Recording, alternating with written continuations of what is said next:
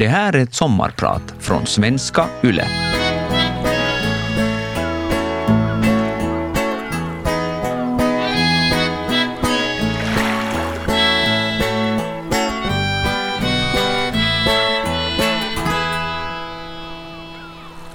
Jag hör ett snyftande från tamburen. Jag går närmare och ser att det är mycket mer än ett snyftande. Mamma sitter på huk, hela hennes kropp skakar. Hon har precis fått höra att hennes mamma, min mormor, har dött. Hon undrar om jag vill åka med till ålderdomshemmet där mormor bodde. Jag är åtta år gammal och jag vet inte riktigt hur det där med döden funkar. Så jag beslutar mig för att svara nej. Några veckor senare ska mormor jordfästas och begravningen hålls i Grankulla kyrka. Längst framme i kyrkan står en vit kista täckt av blommor. Jag är ledsen, men också nervös. Jag och min syster ska nämligen sjunga vid kaffestunden senare. Jag drar lite i min svartvita klänning. Den är exakt likadan som min systers. Jag vänder på huvudet och blickar ut över församlingen. Mina syskon och kusiner är där. Min morbror med fru, moster med man och pappa. Jag ser också andra inbjudna gäster, bland annat flera somalier från flyktingförläggningen, där min mamma gjort frivilliginsatser och fått en hel del vänner. Och jag tänker att det är typiskt henne. Min mamma bjöd in personer som inte hade en självklar plats i det finländska samhället. Det spelar ingen roll om det var vardag eller fest, glädje eller sorg. Alla skulle vara med. Och just den egenskapen har präglat en stor del av mitt eget liv. Jag har fått lära mig att älska det som är eller betraktas som annorlunda i det finska samhället. Jag heter Elina Sani Ollikainen och mitt sommarprat är en berättelse om död och smärta, men också om hopp, kärlekens styrka och min mamma. Det är en hyllning till dig som inte känner att du ingår i normen. Till dig som kanske känner att du inte riktigt passar in. Välkommen med!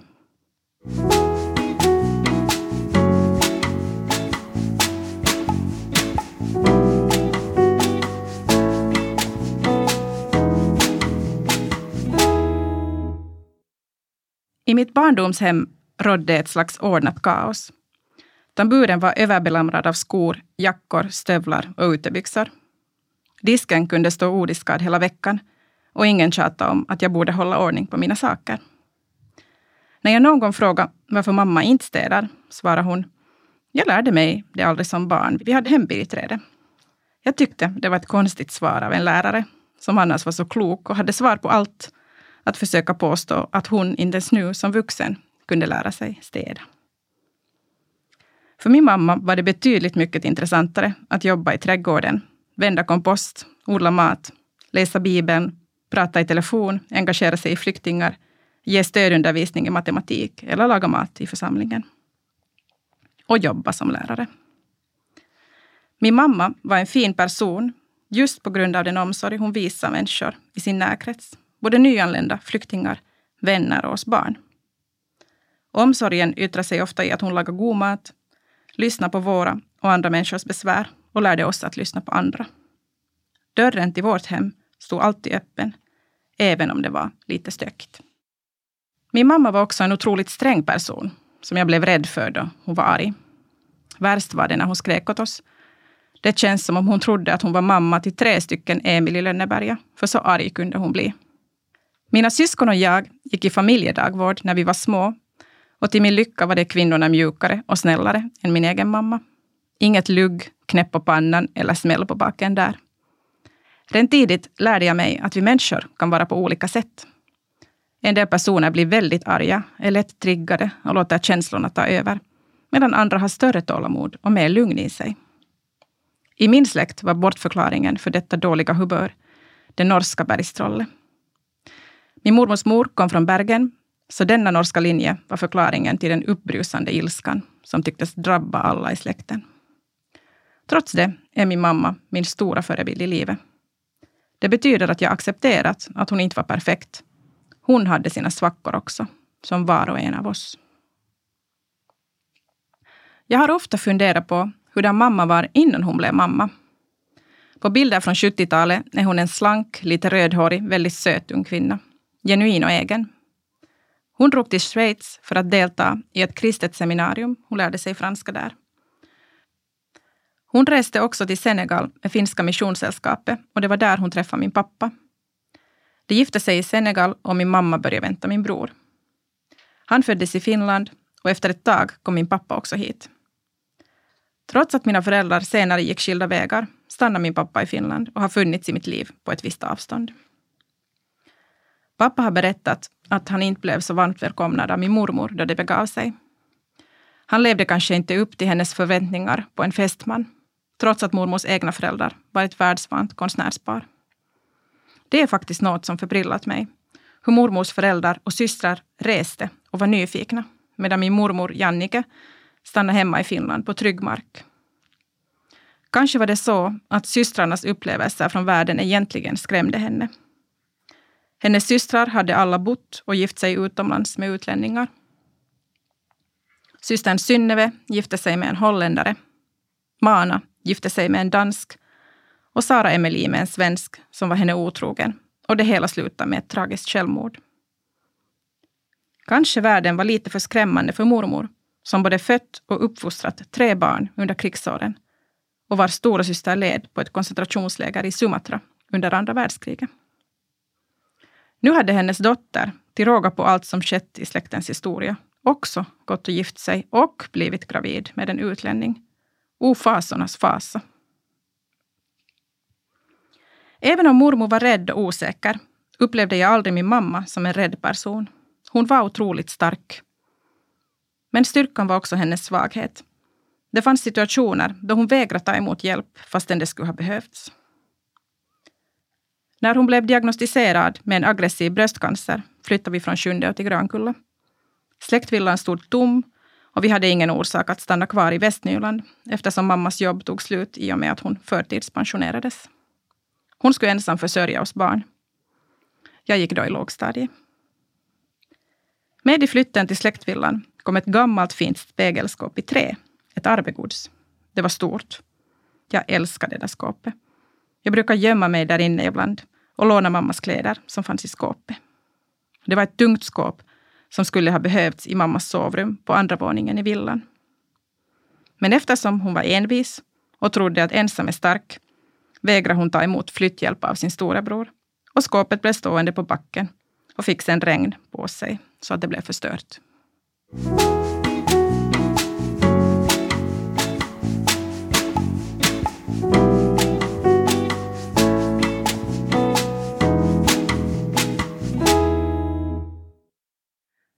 Vår familj var annorlunda. Mamma var inte som andra mammor. Jag var annorlunda än andra barn och vår familj likaså. Min mamma var annorlunda för att hon undervisade i fysik, matematik och kemi. Hon gav sig inte i tuffa diskussioner. Hon rakade inte benen, hon använde inte smink och hon talade i tungor och bad mycket. Att tala i tungor var en slags andegåva och lite som att be på ett annat språk. Jag minns att jag tyckte det lät häftigt med det där andra bönespråket. Och jag fantiserade om att det kanske någon gång kommer en person till församlingen som förstår vad hon säger. Min mamma följde definitivt inte normen. Jag var annorlunda för mitt hår var bångstyrigt. Jag var rätt högljudd och tog plats. Mina föräldrar var frånskilda. Jag hade brun hy i motsats till alla andra barn i min klass, både i låg och högstadie och gymnasiet. Jag upplevde inte de här olikheterna varken den utseendemässiga eller mitt sätt att vara som något problem. Tvärtom. Jag brukar få komplimanger för min vackra hy och många ville känna på mitt hår. Det var helt okej okay för mig. Jag var van vid närhet och blev inte rädd för människors nyfikenhet. Jag minns att en klasskompis en gång använde n-ordet i skolan och jag gick på direkten till klassföreståndaren som tog in personen på diskussion och jag kände en trumf. Jag var sårad över att min klasskompis försökt förolämpa mig. Jag förstod att n-ordet var ett uttryck som användes med avsikt att såra. Men rättvisan segrade och min klasskompis fick en reprimand. Jag har ofta tilltalats av det som är annorlunda och går emot normen. En slags nyfikenhet har växt hos mig när jag sett att personer varit annorlunda än jag själv. Eller då jag märkt att någon bemötts med oförståelse. Jag har letat mig fram till personer och platser där jag har känt att jag får vara hela jag, utan att behöva kompromissa eller tona ner någon del av mig. En sån plats var flyktingförläggningen i Sjundeå, nära vårt hem, där jag spenderade en hel del tid som barn. Min mamma frivilligt arbetade där och jag hängde med. Det var också där jag insåg att det finns barn som liknar mig. Jag umgicks främst med två vänner, den ena från Albanien och den andra från Somalia. Båda hade kommit som flyktingar till Finland. Jag kände mig inte längre som ett undantag, utan som en i gänget. Fram till denna dag hade jag och mina syskon varit de enda bruna barnen i kommunen. Mötet med barnen från andra länder fick mig att känna mig vanlig. Det fanns fler människor som hade strävt eller lockigt hår, brun hud, kläder som stack ut, ett annat hemspråk och så vidare. Det fanns fler av oss. Det var en skön och glad känsla. För mig blev varande och lekande på förläggningen vardag. Mamma var också med. Hon pratade med vuxna, hjälpte till med praktiska saker, svarade på frågor om var man kunde få tag i en levande kyckling och undervisa en del av de vuxna flyktingarna i matematik och finska. Jag gick in i flyktingförläggningen som om det vore mitt eget hem. Ingen ifrågasatte varför jag hängde där. Jag firade ramadan där och det kokades ändlösa mängder mat. Alla var glada, maten flottig och stämningen god. Det var idel leenden, bus och stoj och alla njöt. Jag blev också kompis med de vuxna. Bland annat med en man som lärde mig engelska på lördagar. Ibland kunde jag bli förvånad över att det var ostädat eller att saker var sönder på flyktingförläggningen. Själva fastigheten var nedsliten och de som bodde där hade nästan inga grejer. De hade ju tvingats lämna allt de ägde i hemlandet. Stekpannorna var i dåligt skick och männen, ja, jag minns männen som sysslolösa. Barnen och mig var det däremot fart på. Vi hade spring i benen, så som barn ofta har. Jag fick utlopp för min energi i scoutkåren, församlingskören och genom redskapsgymnastik, handboll och friidrott. Men barnen från flyktingförläggningen var aldrig med på de här aktiviteterna. Det var synd, tänkte jag. Det ska vara ett bra sätt att träffa den lokala befolkningen kring ett gemensamt görande. Också i skolan fanns elever som inte deltog i de gemensamma hobbyverksamheterna. De var inte heller med på rasterna eller i andra sociala sammanhang. En av mina klasskompisar hade en synlig funktionsvariation, en annan en osynlig. Det var första gången jag träffade personer med funktionsvariation och jag funderade mycket på vad det innebar. Det kändes sorgligt att de inte var en del av gänget. På församlingens sommarläger hade vi pratat mycket om att alla ska få vara med. Och det tänkte jag nu också. Ingen ska vara utanför. Därför kändes det tungt för mig att det inte verkar lyckas. Om jag gick och frågade min klasskompis med den osynliga funktionsvariationen ifall hon ville komma med, så fick jag ofta ett nej som svar. Jag minns inte att någon vuxen skulle ha funnits till hands för att svara på mina funderingar om varför interaktionen gick som den gick. Det var först många år senare som jag fick en förklaring och ord på vad det betyder att vara inom autismspektra. Och vad det innebär att en människa har fått en hjärnskada efter en olycka.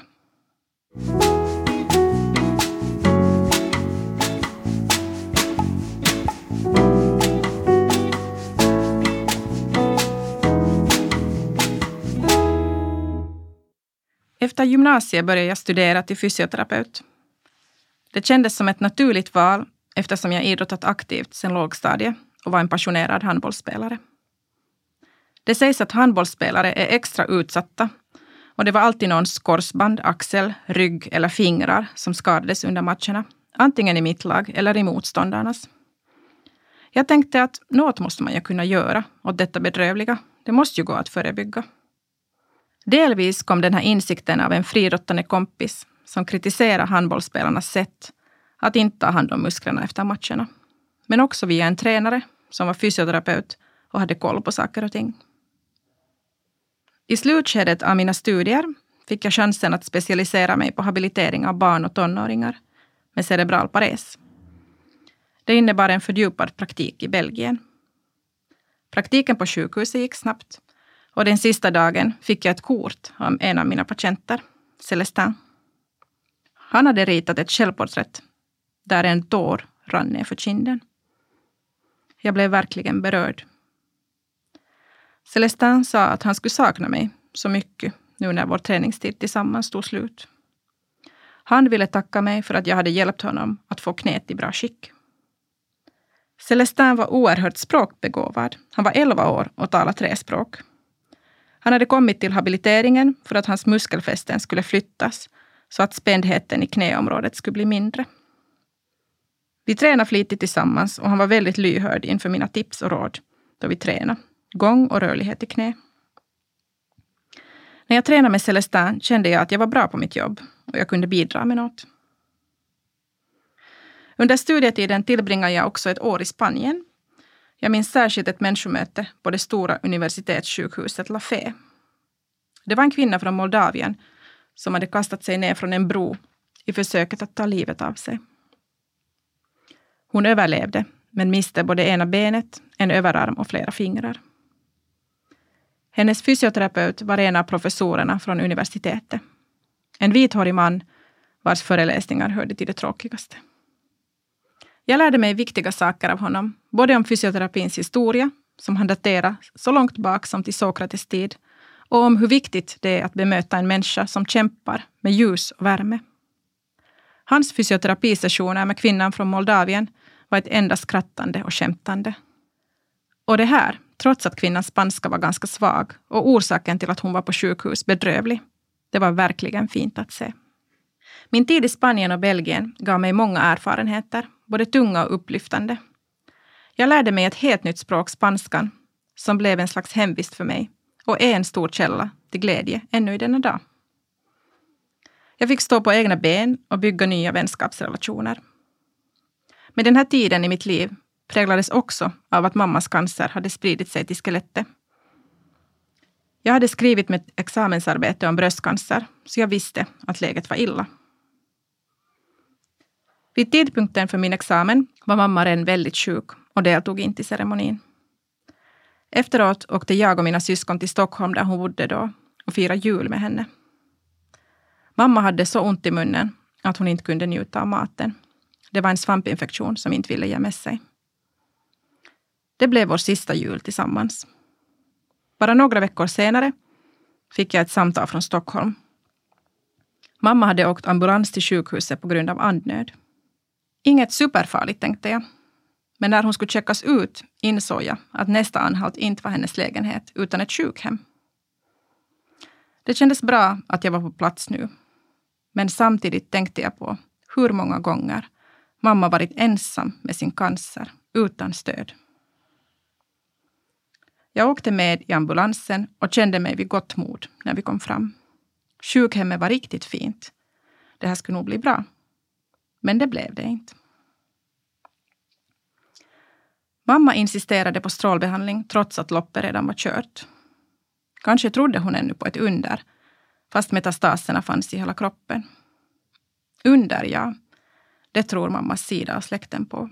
Och bönens kraft. Tron har jag fått via modersmjölken. Men aldrig har jag trott så lite som då. I början av mars tog läkaren mig till ett avskilt rum och vi satte oss ner. Hon tittade på mig med uppmärksamma och sympatiska ögon innan hon sa Jag uppskattar att din mamma har två veckor kvar att leva. Jag slutade andas. Jag var 23 år gammal och på dagen två veckor senare dog min mamma. Den människa som alltid funnits där fanns inte längre. Hon som varit min kompass hade slutat snurra. Trots att jag levt så länge med mammas cancer, som upptäcktes när jag gick i lågstadiet och hade blivit en del av vårt liv, var jag helt oförberedd på att det skulle ta slut. Men det gjorde det. Mitt liv blev aldrig sig likt. Mamma gick bort på jämställdhetens dag, den 19 mars. Jag tänker att det är beskrivande. Det var rätt dag att dö, om man kan säga så. Hon som kämpat för andra människor, sina bruna barn, flyktingar och vänner. Efter att i flera år ha sörjt denna dag så har den nu fått en djupare mening och betydelse för mig. Jag vill också arbeta för jämställdhet och inklusion som hon. Det känns som om hon är med mig ändå, på något sätt. Då mamma dog blev jag inslängd i ett limbo där saker skulle packas, folk kontaktas, kremering beställas och räkningar betalas. Samtidigt som jag skulle försöka förstå att mamma inte fanns längre. Det hela kändes som ett enormt svek. Inte får man svika sina barn på det här sättet. Först älska dem till månen och tillbaka och sen lämna dem ensamma i en värld som aldrig kan bli som förr. Nej, det fanns ingen återvändo. Och jag tänkte, att var är denna Gud och var är mamma? Och varför är alla omkring mig en massa idioter som frågar om vi nu måste sälja huset eller om vi kan bo kvar? Jag kände ilska och stark avundsjuka mot alla människor som bara lullade fram i livet. Och mina jämnåriga vänner som inte förstod ett dyft om hur de skulle vara mot mig, som just mist sin mamma. Jag fick sympatiinbjudningar till midsommarfirande och gjorde ett gott beslut att fira med mina allra närmaste vänner. Min vän sa att jag fick vara precis så ledsen som jag kände mig. Det var en befrielse att låta tårarna komma när de ville. Att slippa låtsas att allt var bra och att jag klarade mig. För det gjorde jag på ytan, men verkligen inte inombords.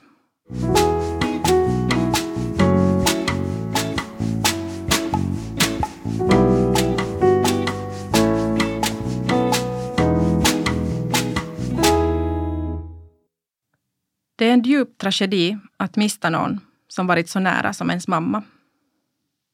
För mig var det häpnadsväckande hur jag totalt miste bottnet, min grund och min tilltro till livet. Jag var rätt glad, trygg och säker på mig själv innan mamma dog. Jag tog en massa saker för givet. Hennes djupa kärlek. Att hon alltid skulle finnas där med sin omsorg, närhet och ibland otroliga ilska. Hon kunde vara verkligt upprörd över felstavad svenska på förpackningar, på att kvinnor inte gavs plats och på sina tre barn som sög musten ur henne. Och jag förstår henne. Det är henne jag får tacka för både en stark känsla för rättvisa, envishet, men också mjukhet. För via henne förstod jag att livet inte alltid är en dans på rosor, utan består av en kamp mot fördomar, trångsynthet och ofta någon slags kronisk sjukdom. Och det är också via henne jag lärt mig älska naturen, människomöten och har ärvt en märklig nyfikenhet på livet. Jag minns mamma genom att läsa gamla brev, dagböcker och titta på foton. I en svartvit fotopärm har fotografier från min mormors begravning klistrats in. Somalierna, som min mamma undervisar i finska och matematik, finns med i albumet. Mina tankar går också till mormor. Mormor som var lite, eller troligtvis mycket rädd för det utländska och det främmande. Det känns som en paradox att personer med afrikansk bakgrund, bland dem min pappa, som mormor hade så svårt att välkomna till Finland, var de som tröstade och hjälpte hennes dotter på begravningen. Jag känner mig varm inombords. Sån var mamma. Hon valde att öppna upp sin värld för andra som inte hade en given plats i det finska samhället. Och den givmildheten fick hon tillbaka i en stund då hon själv verkligen behövde tröst. Och jag i min tur fick tröst när mamma dog. När saker skulle packas ner i huset, skärgårdslimpa bakas till minnesstunden eller kaffe kokas och tårar torkas, så fanns de där, vännerna och släktingarna. Det betydde otroligt mycket. När begravningen var över och jag skulle försöka finna mig i ett vardagsliv utan mamma blev det ändå övermäktigt. Tillsammans med min syster drog jag till Karibien ett halvt år efter mammas död. Det var ett sätt att fly, men också ett sätt att få avstånd och tid att bearbeta sorgen. Efter åtta månader i det turkosa paradiset reste jag hem till Finland med planen att ta tag i mitt liv igen. Jag föreställde mig att det skulle betyda att söka jobb och att romantik var det sista jag behövde. Men det blev ändå något annat. Visserligen två nya arbetsplatser, men också en oväntad öppning till kärlek. Något jag inte insåg att jag verkligen behövde. Det blev också starten på ett nytt liv och en ny era.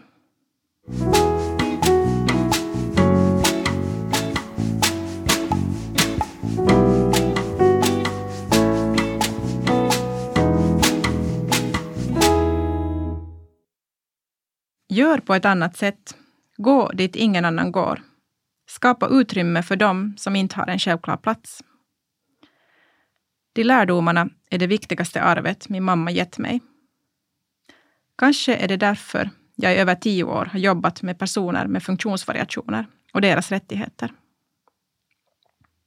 En människa med funktionsnedsättning är egentligen inte en människa med särskilda behov, utan en människa med alldeles vanliga behov som måste tillgodoses med särskilda insatser. Det citatet säger så mycket. Ändå är det många som i dagens samhälle blir exkluderade på grund av att de har en funktionsvariation, en annan hudfärg, utövar en annan religion än den kristna eller talar ett annat språk. Vi inser sällan själva vad vi gör när vi exkluderar andra. Det är först när jag själv gör bort mig som jag inser att ingen är perfekt på att inkludera i alla lägen. När jag var föräldraledig deltog jag i ett jubileumsseminarium där den svenska författaren och standup-komikern Jonas Helgesson skulle hålla föredrag. Jonas Helgesson har en CP-skada och har föreläst land och rike runt om sitt liv. På seminariet i Finland såg jag att den svenska gästen satt ensam, lite avsides. Så jag gick fram och sa vem jag är och att det nog snart blir hans tur. Jag vet att jag använde ett lite inställsamt, daltande tonläge. När Helgesson sen föreläste berättade han om hur människor ofta bemöter honom som ett barn. Ibland tilltalade det inte ens honom, utan hans fru eller assistent. Han nämnde begreppet snäll social tant och jag kände mig väldigt träffad. Jo, det är viktigt att visa medkänsla och empati för sina medmänniskor. Men det kan också vara ett sätt att positionera sig gentemot andra och använda makt. En överdriven medkänsla är att inte se den andra som lika viktig och kompetent som en själv, utan som någon som inte klarar sig, som nästan alltid behöver hjälp. Någon som är mindre duktig, liksom. Min poäng är inte att man alltid behöver göra rätt eller säga rätt saker. Men vi måste orka lägga ner tid på att analysera vårt eget beteende och förändra det vid behov. Vi är ofta alldeles för bekväma och orkar inte befatta oss med svåra, komplicerade frågor, speciellt då de inte berör vår egen vardag. Vi väntar på att någon annan ska ställa sig upp och säga ifrån. För mig blev det helt självklart att jag måste vara den som säger ifrån en dag för fem år sedan. Det var självständighetsdagen den 6 december och jag var ute och gick med min treåring under ena armen och hans lilla sparkcykel under den andra. Han hade gett sitt allt på promenaden och ville upp i famnen då orken tog slut. Vi skulle bara korsa en bro och sen vara hemma. På bron mötte vi ett femtiotal tysta, mörkklädda människor som kom tågande med facklor i händerna. De var medlemmar i Nordiska motståndsrörelsen, en nazistisk rörelse. Och efter dem kom ett flertal polisbilar. Jag gick bara framåt. Titta inte. Försökte göra oss osynliga. Precis som när mamma dog blev det en iskall dusch som väckte och ruskade om mig. Jag kunde inte längre sticka ner huvudet i sanden. Finland hade slagit in på en väg jag inte trodde var möjlig. På jobbet hade vi skämtsamt sagt att man borde skriva en insändare till Hufvudstadsbladet. Så fort någon börjar klaga på något banalt och obetydligt. Sen skrattade vi tillsammans, för det där är väl något många finlandssvenskar säger. Men det var aldrig allvarligt menat. Förrän nu. För mötet med Nordiska motståndsrörelsen var allt annat än banalt och obetydligt. Det var traumatiskt och jag frågade mig själv hur långt det skulle få gå. Vi hade redan ett riksdagsparti som sympatiserar med etnonationalister. Och nu hade vi ytterhögern på gatorna den dagen vi skulle fira Finlands självständighet. Jag såg människofientligheten växa. Via mitt jobb hörde jag om personer med funktionsvariationer som blivit angripna och trakasserade i kollektivtrafiken i Helsingfors. Samhällsklimatet hyllar normen. Om du inte passar in var det okej okay att trampa, spotta och skuffa på dig.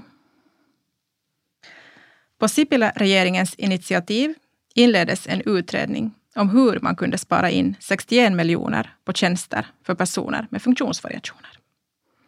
Vi skulle jobba mer och mer effektivt. Den kommunala sektorn, som är mycket kvinnodominerad, drabbades hårt av alla nedskärningar. Jag hade varit stolt över mitt Finland, men nu kände jag skam och misstro. Jag skrev en insändare om det traumatiska i att möta nordiska motståndsrörelsen i mina hemkvarter och att rörelsen borde förbjudas så fort som möjligt. Idag har min önskan blivit verklighet. Förra året konstaterade Högsta domstolen att NMR ska läggas ner. Det är första gången sedan 70-talet som en organisation förbjuds i Finland. Två år senare ställde jag upp i riksdagsvalet, ivrig och 120 procent taggad. Man kan nästan säga att vårt andra barn, som då var nio månader, också kandiderade. Min man hjälpte till så mycket han kunde och skötte både jobb och baby då jag medverkade i valpaneler. Det blev mitt sätt att visa samhällsengagemang och stå upp för det jag tror på. För allas rätt till ett gott liv och för inkludering. För ett Finland som välkomnar och uppskattar alla invånare och där vi kan vara stolta över vår diversitet.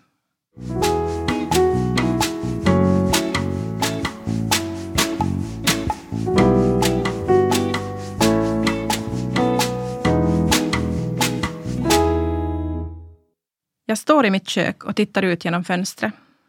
Solskenet är vackert och solstrålarna reflekteras i grannhusets fönster. Det här har varit ett så speciellt år på många sätt. Men sommaren kom ändå till sist. Var kommer vi att landa efter allt det här? Kommer vi att vara klokare, lugnare och mer samstämda? Klarar vi av att fokusera på det relevanta istället för att kasta gliringar mot varandra? Vi har diskuterat hur man kan visa omsorg mot andra och att en vänlig blick i dessa tider betyder väldigt mycket.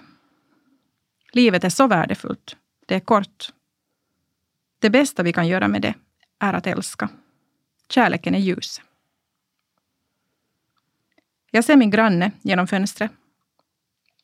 Hon miste sin mamma för tre år sedan, ungefär samtidigt som mitt yngsta barn föddes.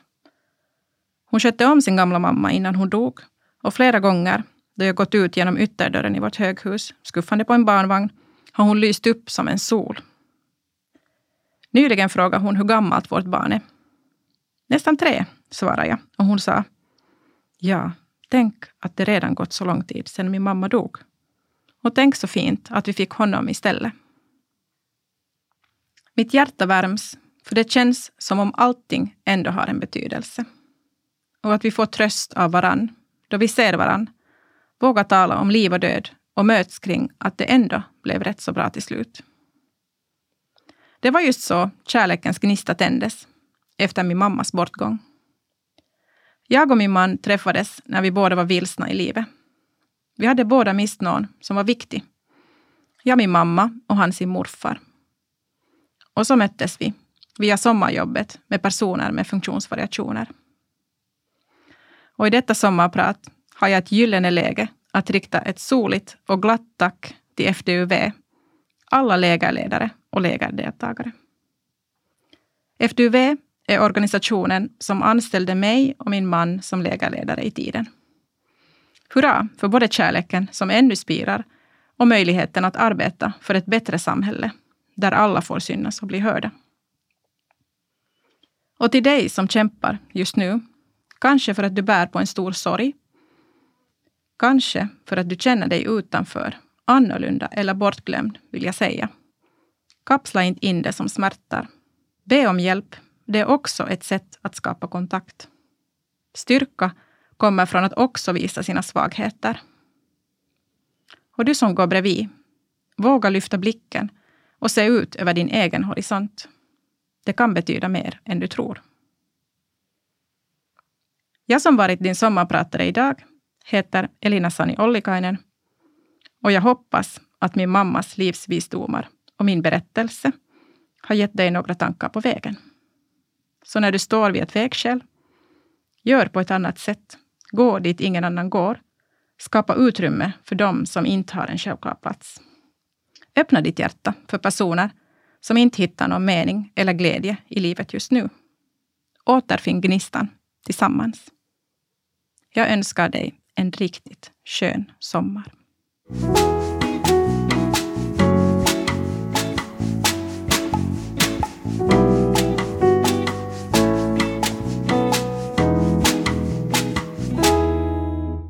Vegas sommarpratare produceras för Svenska Yle av Parad Media.